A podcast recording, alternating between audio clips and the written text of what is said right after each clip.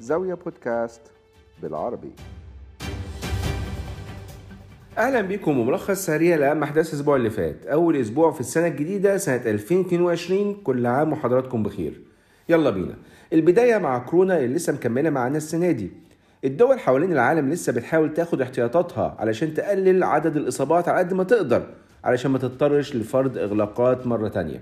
في فرنسا بيتم مناقشة مشروع قانون بطاقات لقاح كورونا. اللي هيمنع غير المطعمين من ممارسة معظم أوجه الحياة العامة. وده اللي أثار غضب المعارضين للقاح في فرنسا بالرغم من أنها من أعلى معدلات التطعيم في الاتحاد الأوروبي. في السعودية وزارة الحج والعمرة قررت تلغي إمكانية التكرار الفوري للعمرة وحجز تصريح جديد فور الانتهاء من التصريح السابق وقالت إن المدة المسموحة لتكرار العمرة هي 10 أيام. القرار ده جه بعد ارتفاع عدد الإصابات اليومية بكورونا واللي عدت 2500 حالة يوم الثلاثاء اللي فات.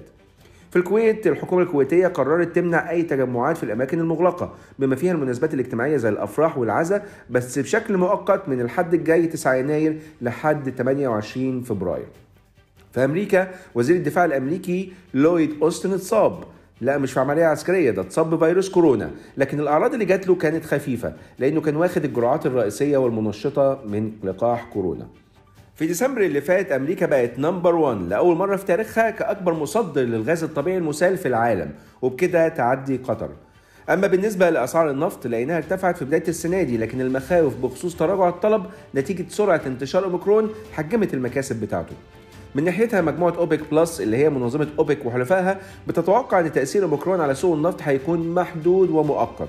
وعشان كده قررت زيادة الإنتاج المستهدف بمعدل 400 ألف برميل يوميا اعتبارا من فبراير.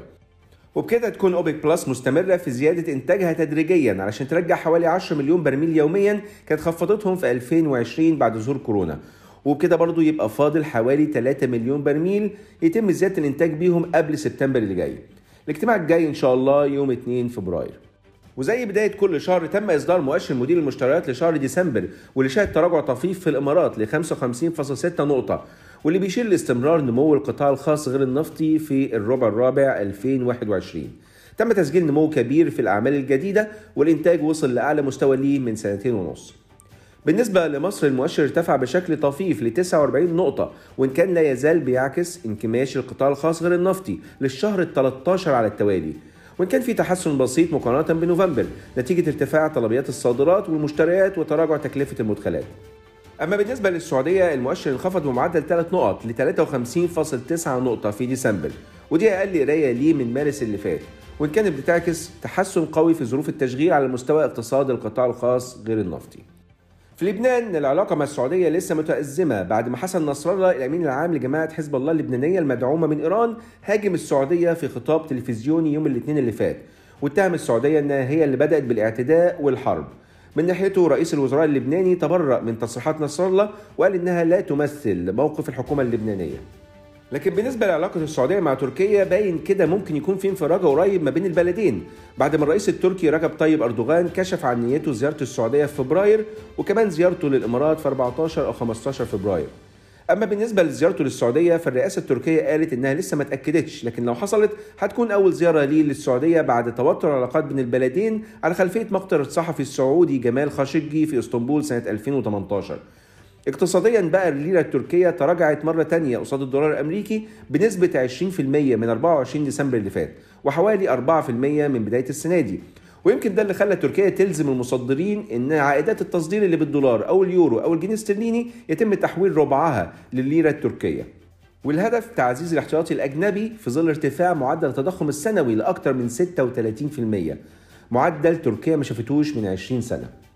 في السودان وأخيرا الدكتور عبد الله حمدوك يوم الاثنين اللي فات قرر الاستقالة من منصبه كرئيس وزراء وقال إن في صراعات بتعرقل الانتقال السياسي وقال كمان إن الحوار هو الحل لو عايزين نكمل التحول المدني الديمقراطي بعد استقالة حمدوك رئيس مجلس السيادة الفريق أول ركن عبد الفتاح البرهان شدد على ضرورة تشكيل حكومة مستقلة بمهام محددة وإنه يكون في توافق عليها من جميع السودانيين.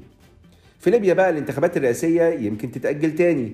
مستشارة الأمين العام للأمم المتحدة بشأن ليبيا ستيفاني ويليامز استكملت مشاوراتها مع القيادات والأطراف الليبية علشان استمرار خطة الانتخابات.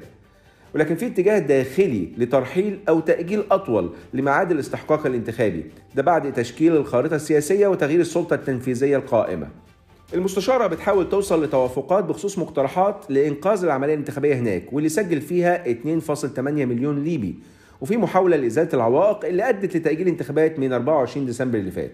أحد المقترحات أن الانتخابات تتم بالتدريج يعني الانتخابات البرلمانية الأول وبعدها الانتخابات الرئاسية. لكن في معارضة سياسية داخلية عايزة ترحل موعد الانتخابات للسنة الجاية لغاية ما يتم تحقيق توافق حوالين القوانين الانتخابية والمسار الدستوري وكمان توحيد مؤسسات الدولة.